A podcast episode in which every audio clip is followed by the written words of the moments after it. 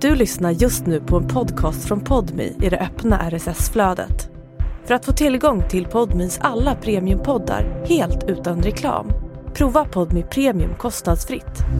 Ladda ner appen i App Store eller Google Play.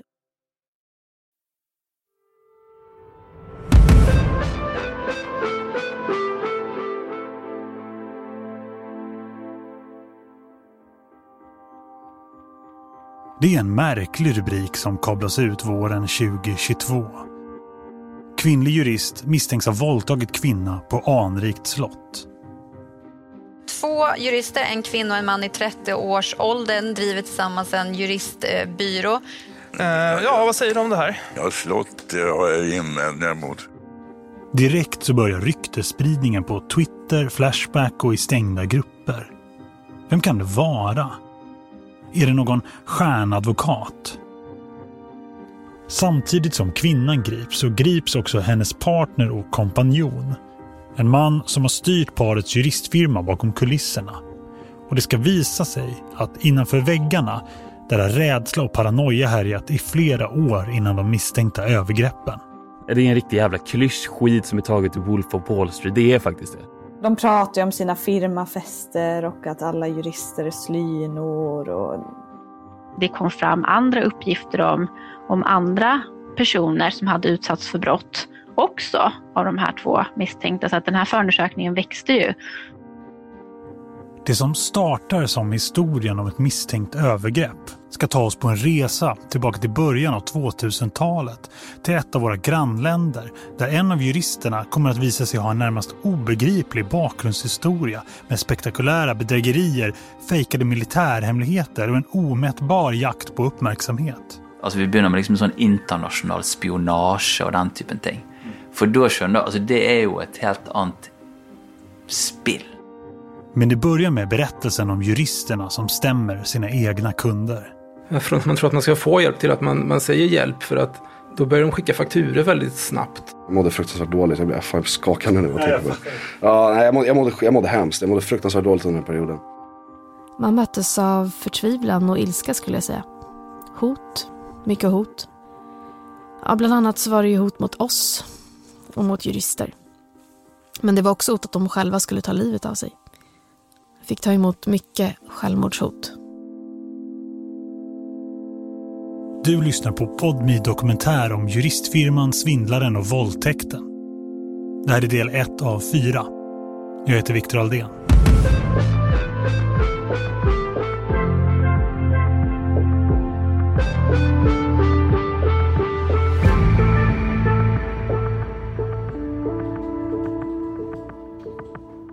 Det är våren 2022 och jag jobbar på en krimredaktion när nyheten om juristen som misstänks för våldtäkt kommer. Det är på flera sätt ett uppseendeväckande fall med en massa märkliga detaljer. I olika medier kallar åklagaren ärendet för speciellt, ovanligt och jättekänsligt. I kvällspressen beskrivs parets juristverksamhet som ljusskygg. Den misstänkte mannen ska tydligen ha bytt namn flera gånger. Och I samband med att han och hans partner grips och häktas så beskrivs det hur människor med framträdande poster på juristfirman väljer att sluta och lämna nyanställda med tunga arbetsbördor. Jag lägger ärendet på koll och beställer hem det materialet som finns. Men under ett valår med mängder av skjutningar så blir det aldrig att jag följer upp storyn. Inte förrän jag träffar Jonas. Vi förstod det väldigt snabbt att det handlar om dem. När jag träffar konsumentjournalisten Jonas för första gången i början av sommaren 2022 så har paret suttit häktade sedan februari. Misstänkta för grov våldtäkt och sexuellt ofredande mot flera anställda. Men första gången Jonas kommer i kontakt med företaget som vi kommer att kalla för juristfirman, det är några år tidigare. Först så dök de upp med bara ett ärende. Då flög de lite under våran radar. Det, det var ett i, i mängden av eh, alla företag som hamnar där. En del av Jonas jobb är att granska företag som vägrar följa Allmänna reklamationsnämnden, ARNs, rekommendationer. Oftast handlar det om att betala tillbaka pengar till en kund. Sånt som man kanske mest förknippar med stora flygbolag eller resebolag som hanterar tusentals kunder. Men plötsligt dyker ett nytt bolag upp. Hej! Har du blivit uppsagd eller avskedad? Vi hjälper dig att bedöma ditt ärende helt gratis. Vi är specialister i arbetsrätt och hjälper anställda över hela landet. Klicka på länken för en gratis bedömning så hjälper vi även dig. Juristfirman ska alltså hjälpa personer som behandlats felaktigt av sin arbetsgivare vid en uppsägning eller liknande. Första gången som Jonas lägger märke till dem, då handlar det bara om ett enda ärende, en missnöjd klient. Men när Jonas gör en ny koll ett halvår senare så ser det lite annorlunda ut. Då var det helt plötsligt 25 nya ärenden. Men när ett, en juristfirma kommer med så många ärenden, då är det såklart någonting som man reagerar för. Ja, vad håller den här arbetsrättsbyrån egentligen på med? En byrå där hela tanken är att människor ska få hjälp. Att man ska ha någon på sin sida. Liksom typexemplet är ju att man har råkat ut för någonting på sin arbetsplats. Man kanske inte är med i facket och kan få hjälp den vägen. Man känner sig såklart utsatt och, och behöver hjälp. Nu kommer jag få hjälp. Men det där byts ganska snart till från att man tror att man ska få hjälp till att man, man säger hjälp.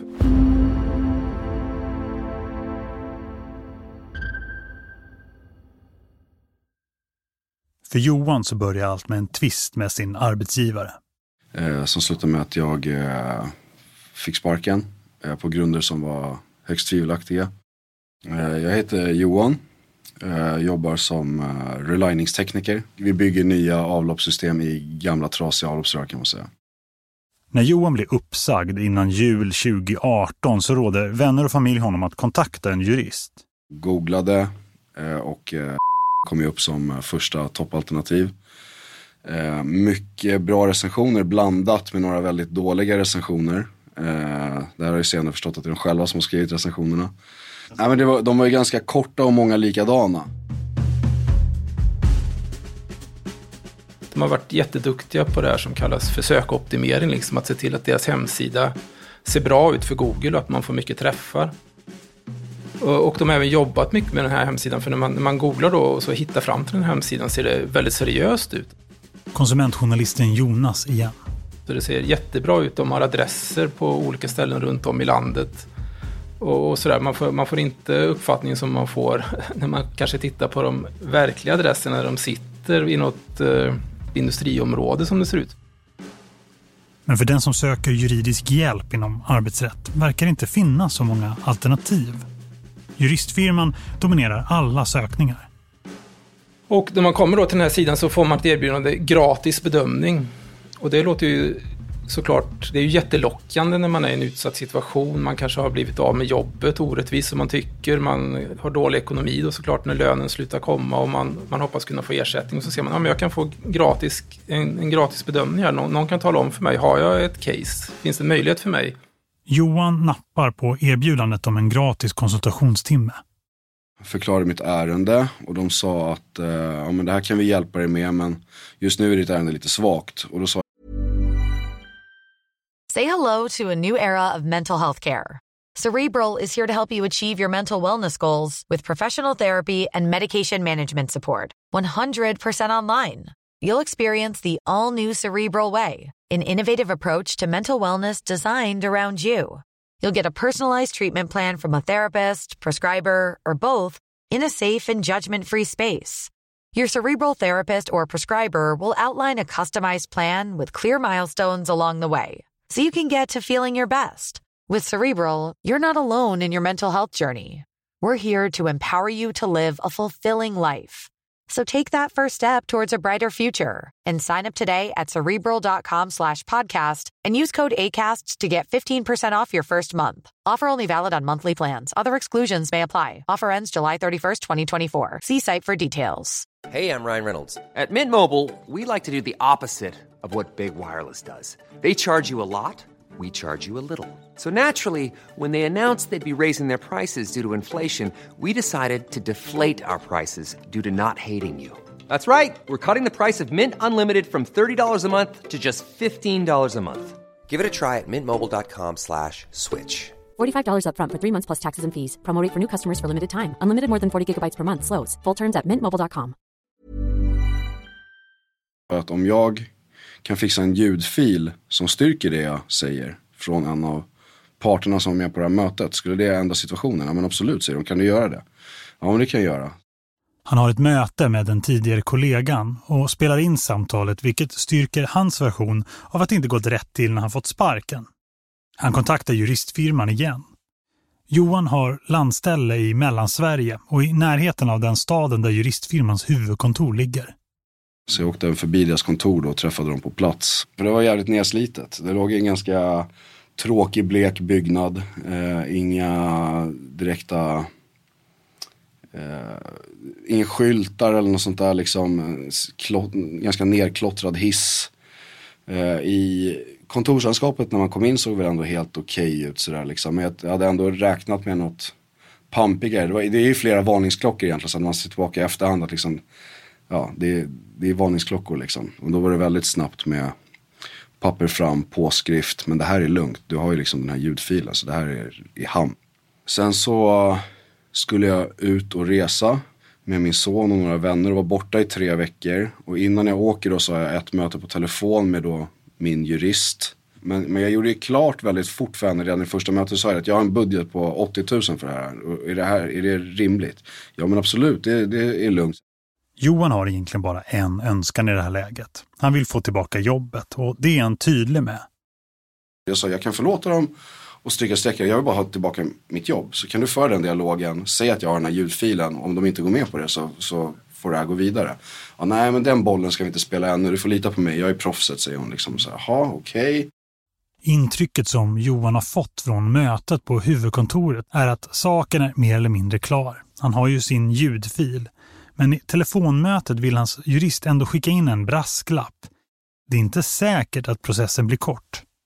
Och då var det så, men, men när, jag, när jag var inne och se precis och skrev på för en vecka sedan, då var det ett litet mål.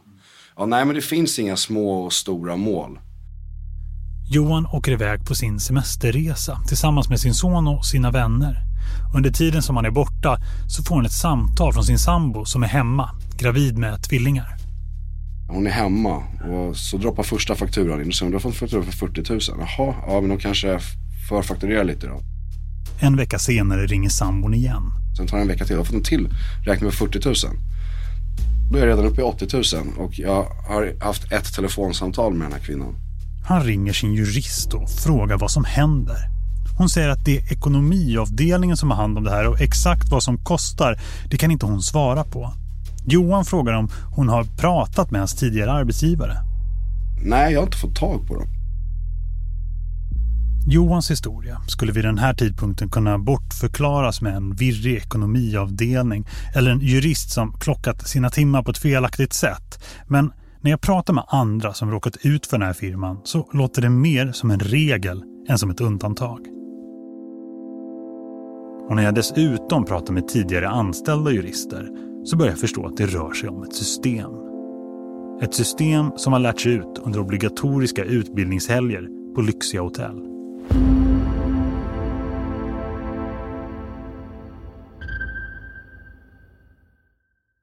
Det är hans första jobb som jurist. Jag är verkligen precis eh, nyutexaminerad. Emanuel är en av de unga jurister som söker sig till juristfirman. Han är i 25-årsåldern när han börjar. Han heter egentligen något annat och vi har valt att byta ut hans röst. Jag har ju tagit examen i princip under ansökningen. Han är en engagerad och ambitiös student. En del av den juridiska föreningen och intresserad av förhandlingar. Juristfirman, ja, den har han hört talas om innan. Sen ska vi inte sticka under stol med att jag har sett vissa saker som var ehm, ja, konstiga, inte minst den här ehm, flygplanshistorien som jag känner till vid det här laget. För det är ju upp, uppseendeväckande när man börjar titta på det. Konsumentjournalisten Jonas. Det är liksom sådana saker som får en att reagera. Att, att de flyger privatflygplan till exempel till kunder. Det tycker man ju låter jättemärkligt. Varför skulle man göra det? De har alltså för vana att fakturera kunder för flygresor med privatplan till olika möten. Något man förklarar med att det är mer tidseffektivt. Även klienten Johan får en flygresa på fakturan. Sista fakturan så betalade jag för en flygresa. Men advokaten själv, eller juristen själv, hon berättade att hon hade åkt tåg. Jag körde en tågstation efteråt för att slippa debitera en taxiresa. Jag var medveten om det. Men eh, ja, å andra sidan så var det någonting som låg en bit bakåt i tiden som jag förstod det. Och, ja, det hade ju inte aktualiserats på nytt. Ja, jag har också en bekant som hade börjat på juristfirman strax innan mig och ja, som berättat det är ju inte en optimal arbetsgivare men, men det är ingen katastrof och det hade delvis att göra med arbetsbelastningen som jag förstod det. Emanuel bestämmer sig ändå för att fortsätta. Kort efter att han börjar så får han dock reda på att ett gäng av de anställda han lärt känna hoppar av. Nej, jag ska säga upp mig, för det här funkar inte.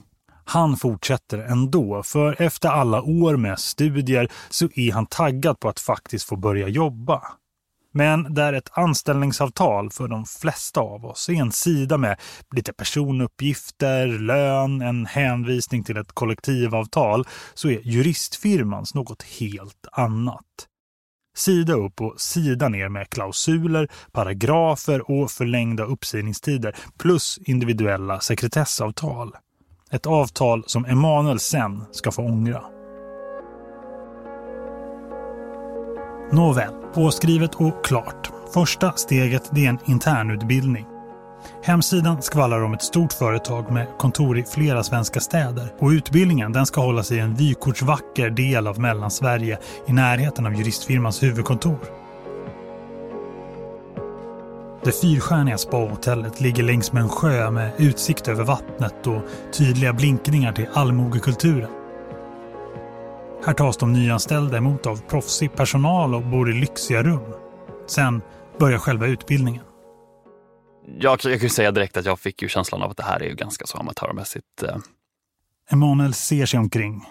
Det är en ganska brokig skara. De är gröna. Det var ju många som satt där med mig som jag antingen märkte av eller som uttryckligen sa att jag har aldrig sysslat med arbetsrätt tidigare. Bland de nya arbetskamraterna finns en kvinna med långt blont hår, svartbågade glasögon och ett visst inflytande i firman. Vi kallar henne för Pernilla, men hon heter egentligen något annat. Vad ingen ännu vet det är att det är hon som i media kommer att bli känd som den kvinnliga juristen. Och i en sån här miljö, på en sån här utbildningshelg, kommer hon själv att göra sig skyldig till ett brott.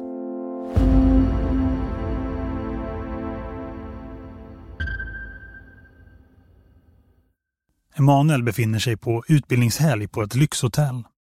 Han håller som bäst på att lära sig vad hans nya arbetsgivare står för.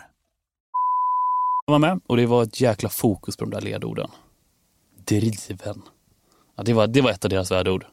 Dedikerad, representativ, initiativrik, vinnande eller vinnare. Ja, du fattar själv. En riktig jävla så klyschskit på något sätt som taget ur Wolf of Wall Street. Ja, nej, men det var faktiskt det. var faktiskt det. Och de har också en sån här färgpsykologi-grej. Forceful purple, det var grejen. Och det, var, det var ju då en färg som symboliserar företagets själ. Cringe-saker, som att man visar oss någon motivationsvideo med någon amerikansk veteran. Varför är det relevant med det vi håller på med? Kollegorna lär känna varandra och Pernilla, som också är relativt nyutexaminerad, berättar vad som har gjort henne framgångsrik. När hon sitter där och ja, skryter kan man väl säga det. För att bli framgångsrik så måste man vara lite odräglig. Efter utbildningsveckan kommer Emanuel tillbaka till Stockholm och då blir det allt tydligare att juristfirman inte är en helt vanlig arbetsplats. Bland annat berättar Emanuel att de nyanställda uppmanas att hitta på case att använda i marknadsföringssyfte. Och ja, vi skulle framställa oss själva som betydligt mycket mer erfarna än vad vi faktiskt var. Under sin första tid på juristfirman får Emanuel sitta bredvid vid förhandlingar. Uh, både klientmötet och den förhandlingen, ja kanske framför allt förhandlingen, sköttes amatörmässigt. Sen så går det bara två veckor innan han som aldrig arbetat som jurist innan får hålla helt egna förhandlingar. Ja, i princip direkt. Um, så de första veckorna går liksom tuggar bara på och sen så börjar de här fakturorna gå ut och man inser vad fan, det här håller ju inte för fem jävla öre. De kräver att man ska betala innan jag ens har förhandlingen. När klienten Johan kommer hem från sin semester så möts han av ytterligare ett brev från juristfirman. Droppar in ytterligare en faktura, det är uppe i 120 000. Nu börjar han få panik. Besparingarna naggas i kanten och han har inga pengar på väg in. Han ringer upp firman igen. vad är det som händer? Vad, är det som kostar så mycket pengar? Vad är det ni gör? Ja, nej men om du vill ha en sammanställning på det, då, då ska ju någon sätta sig ner och göra det. Det får du betala för. Jaha, men, men jag, alltså jag vill bara veta vad ni har gjort. Ni, det har kostat mig 120 000 kronor, då måste jag säga vad jag har gjort. Nej men då, då måste någon sammanställa, ja vad kostar det då? Det beror på vem som får jobbet, vi har olika timdebiteringar, men det kan kosta någonstans mellan 12 och 20 000. En desperat Johan säger till om att få till ett möte så snabbt som möjligt med arbetsgivaren, annars kommer han att behöva avbryta den här processen. Han är snart bankrutt. Då får han ett svar, så får du vrida sig i magen. Du kan inte stoppa nu, så om du stoppar nu, då får du betala din motparts eh, advokatavgifter också. Så om du tycker att det är dyrt nu, då blir det ännu dyrare om du säger uppåt. Du kan inte sluta nu. Under, under hela den här perioden så mår jag fruktansvärt dåligt för att jag har ingen inkomst just nu. Jag väntar tvillingar som ska komma om bara två månader. Och eh, alla pengar jag har sparat, jag, jag töm, får ju tömma hela min aktiedepå liksom. Och, och göra mig av med precis alla pengar jag hade. Så jag mådde fruktansvärt. Varje gång en sån här brev kom så fick jag ont i magen. Jag stod i hissen upp och liksom, sen gick jag in till tjejen. Och jag klarade inte ens av att öppna dem till slut. Liksom. Jag bara låg i sängen för att samla kraft innan jag öppnade och såg, jaha, ny på 40 000. Liksom, jag mådde fruktansvärt dåligt. Jag blev fan skakande nu. Och nej, jag, ja, nej, jag, mådde, jag, mådde, jag mådde hemskt. Jag mådde fruktansvärt dåligt under den här perioden.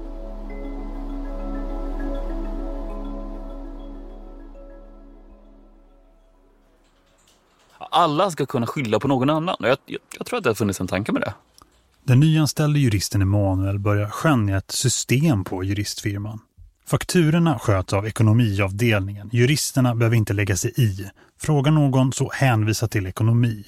Men den som börjar summera antalet timmar som juristfirman fakturerar kort efter att ett ärende har inletts inser snabbt att det inte går ihop, menar Emanuel. Nej, för att det faktiskt hade varit fysiskt omöjligt vissa perioder givet att man har för många ärenden. Ja, jag hade liksom vid någon period, då hade jag åtta stycken nya klienter på sju dagar. Och att då lägga 16 timmar i varenda ärende går bara inte. Det finns inte så många timmar på dygnet. Känslan av att han är en del av något som är djupt fel börjar krypa sig på. Utöver det faktum att fakturorna inte stämmer så är det också något med hur man pratar med potentiella kunder som får Emanuel att rygga tillbaka. Ja, vi ska alltid utlova guld och gröna skogar. Visst, det är absolut möjligt att du kan få det du vill ha här. Men det är ytterst osannolikt att då säga ja, absolut en miljon kronor, nemas problemas.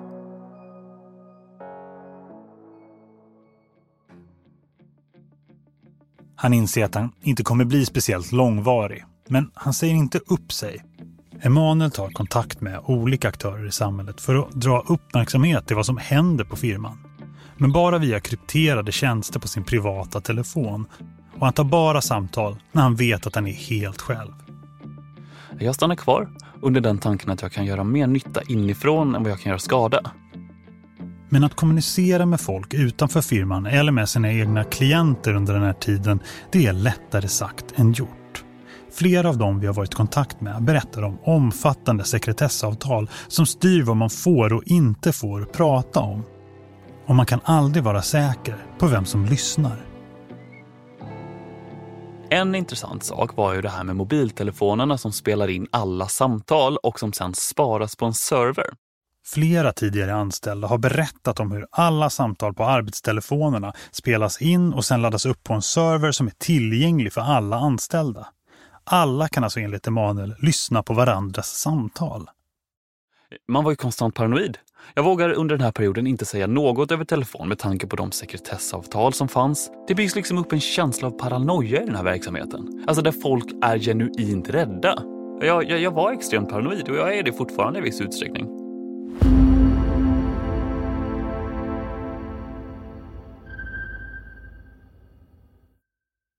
Många fakturer senare ska klienten Johans tvist med sin före detta arbetsgivare få ett slut.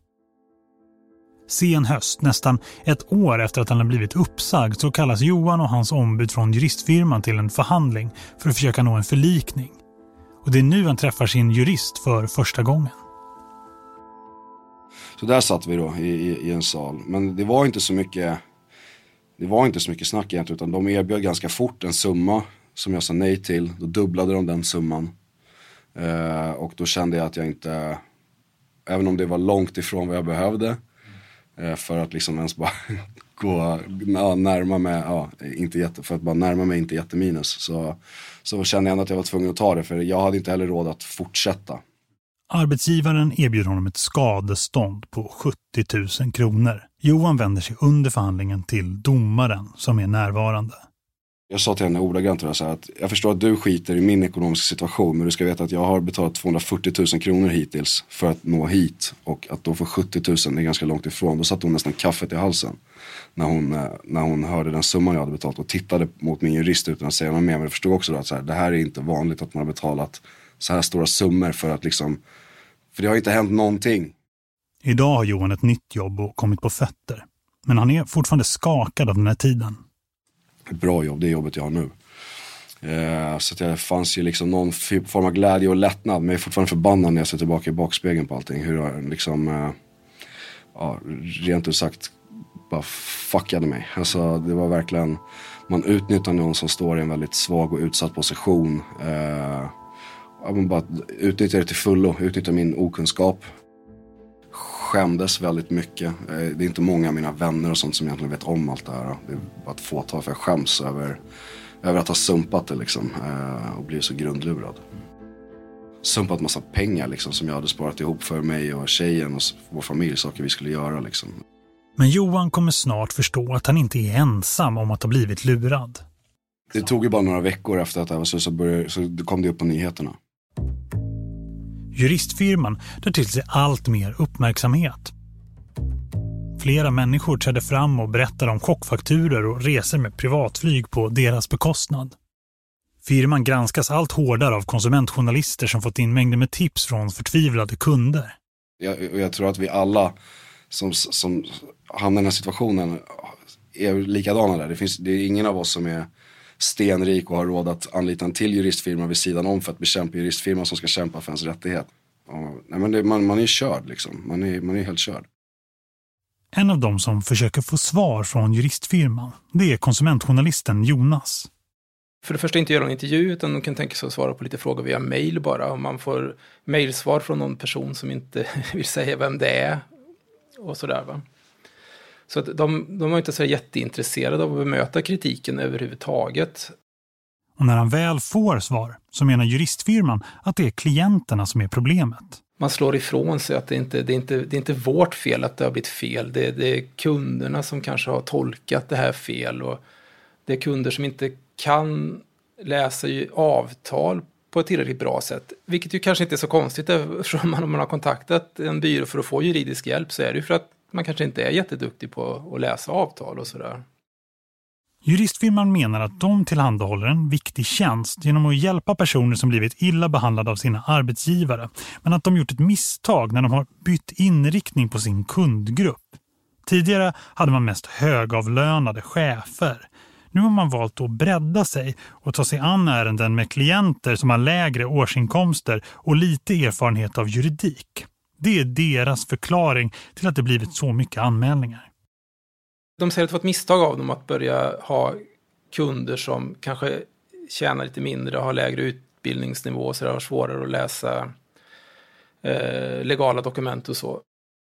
Men egentligen är det ju det som är deras affärsidé. De, de vill rikta in sig på kunder som är i en eh, svag situation, som redan är utsatta på något sätt, som eh, som inte har någon som kan hjälpa dem och som då förleds att tro att det är de här företagen som kommer hjälpa dem, som kommer ge dem upprättelse. Johan väljer ju att betala trots att han känner sig blåst. Men det finns andra klienter som vägrar. Och då sätter firman hårt mot hårt och börjar stämma de som inte betalar. Sedan 2012 har juristfirman stämt över 100 klienter. De har struntat i Arns rekommendationer om att betala tillbaka pengar till kunder. Och de har förbjudits av Patent- och marknadsdomstolen att fortsätta med sin otydliga prisinformation och har dessutom själva blivit stämda av konsumentombudsmannen. Men byrån stannar inte upp. De blir om möjligt ännu mer aggressiva i sina försök att få in pengar. Efter årsskiftet 2021 så stämmer firman över 30 personer på bara några månader. På insidan känner juristen Emanuel sig allt mer paranoid och från utsidan ser journalisten Jonas ett företag på väg mot sin egen undergång. Men sen har ju även Konsumentverket satt åt dem att på det här sättet får man inte marknadsföra sig mot sina klienter. Man, det ska inte komma som en överraskning om man får en, en faktura på 40 000 kronor. Utan de har ju fått eh, uppmärksamhet på många ställen, dålig uppmärksamhet då. Och det får ju folk att dra öronen åt sig. Det har ju gått ganska bra det senaste året. De har ju tjänat, de har en del pengar i kassan. Och när då Konsumentverket vill eh, lägga, eller hota med ett vite, då vill man ju såklart rädda de här pengarna. Så då gör man en utdelning i företaget till ägarna då. Och sen låter man det gå i konkurs helt enkelt. Det är sommaren 2021 när juristfirman brakar ihop. Under våren har Emanuel varit kvar fast i sitt långa komplicerade anställningsavtal. Och som du har säkert hört talas om så är de anställda också i viss utsträckning offer.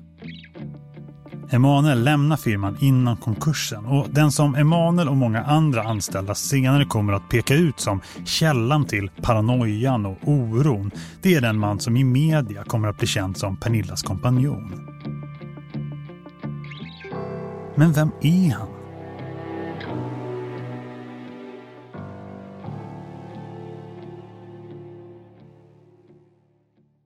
Vi har valt att kalla honom för Harald, men han heter egentligen någonting annat. Sommaren 2022 så sitter Harald på häktet i Huddinge i Stockholm och jag bestämmer mig för att skriva till honom. Bara någon dag efter kommer ett svar. Nu har det kommit ett brev, ett brev med en, en golden retriever som frimärke från häktet i Huddinge intagen Harald skriver att jag ska berätta mer om projektet. Jag svarar och i väntan på nästa brev så fortsätter jag att plöja artiklar, trådar, Facebookgrupper och intervjua gamla anställda och klienter. Men historien om Harald börjar varken med en skum arbetsrättsbyrå eller misstänkta övergrepp mot anställda. Han har ett helt annat liv bakom sig. Och det dyker upp ett namn relaterat till honom som sticker ut lite extra. Någon som varit en del av hans tidigare liv. En före detta chef på PST, norska Säpo i Hordaland fylke i västra Norge. Steinar Karlsen. Att få tag på svenska Säpo, det är inte det lättaste. Inte ens när journalister vill ringa och ge dem beröm så brukar de vara särskilt intresserade av att prata. Därför blir jag lite tagen av hur smidiga Norges motsvarighet är. När jag frågar dem om Steinar så får jag svaret att han slutat för länge sedan. Han är pensionär nu. Men att de såklart kan försöka fixa fram ett nummer. Jag tackar och skickar med ett meddelande till Steinar. Någon dag senare så hör de av sig igen. Steinar var inte helt lätt att få tag på. Men man har hittat ett nummer. Nu har vi fått numret till Steinar Karlsen. Nu ska vi se om vi kan slå det här numret. Men, eh, och ifall han svarar. Det var ganska länge sedan. Han jobbade på, på Säpo. Hallå, det stämmer. Hejsan hejsan Steinar. Jag heter Viktor Aldén och jag är eh, reporter. Jaha. Eh, har du tid några minuter? Jag kan lyssna på dig, men det är inte säkert att jag ser så mycket tillbaka. Nej, jag förstår. Nej, Säpo-folk brukar sällan kunna berätta så mycket. Men Steinar kan åtminstone bekräfta att han har haft kontakt med Harald för många år sedan när Harald var i tidiga 20-årsåldern. Det sista jag vet om är att han reste till Sverige. Så vi hade en del samtal här på, på kontoret mitt och på PST. Varför satt Harald, knappt vuxen, i möten på norska Säpos kontor? Vad hade de att prata om? I Sverige så är han en våldtäktsmisstänkt svartlistad företagare i medelåldern. Men det kommer visa sig att historien om Harald har ännu fler lager än så. I nästa avsnitt av juristfirman Svindlaren och våldtäkten. Altså, jeg er 44 år gammel. Jeg har ikke tenkt på denne saken på nesten 20 år. Hvor smart var det å lage denne jævla filmen, da? I work for an organization called NATO Intelligence Service based on the Norwegian naval base Håkonsvern.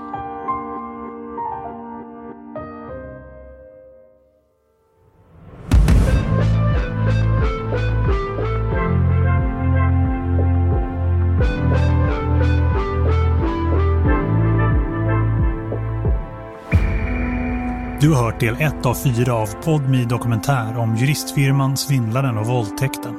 En produktion av Tredje statsmakten Media. Producent Anna Johannesen, slutmix Elin Rosenberg och jag heter Viktor Aldén. Exekutiv producent hos Podmi är Emilia Melgar Arnheim.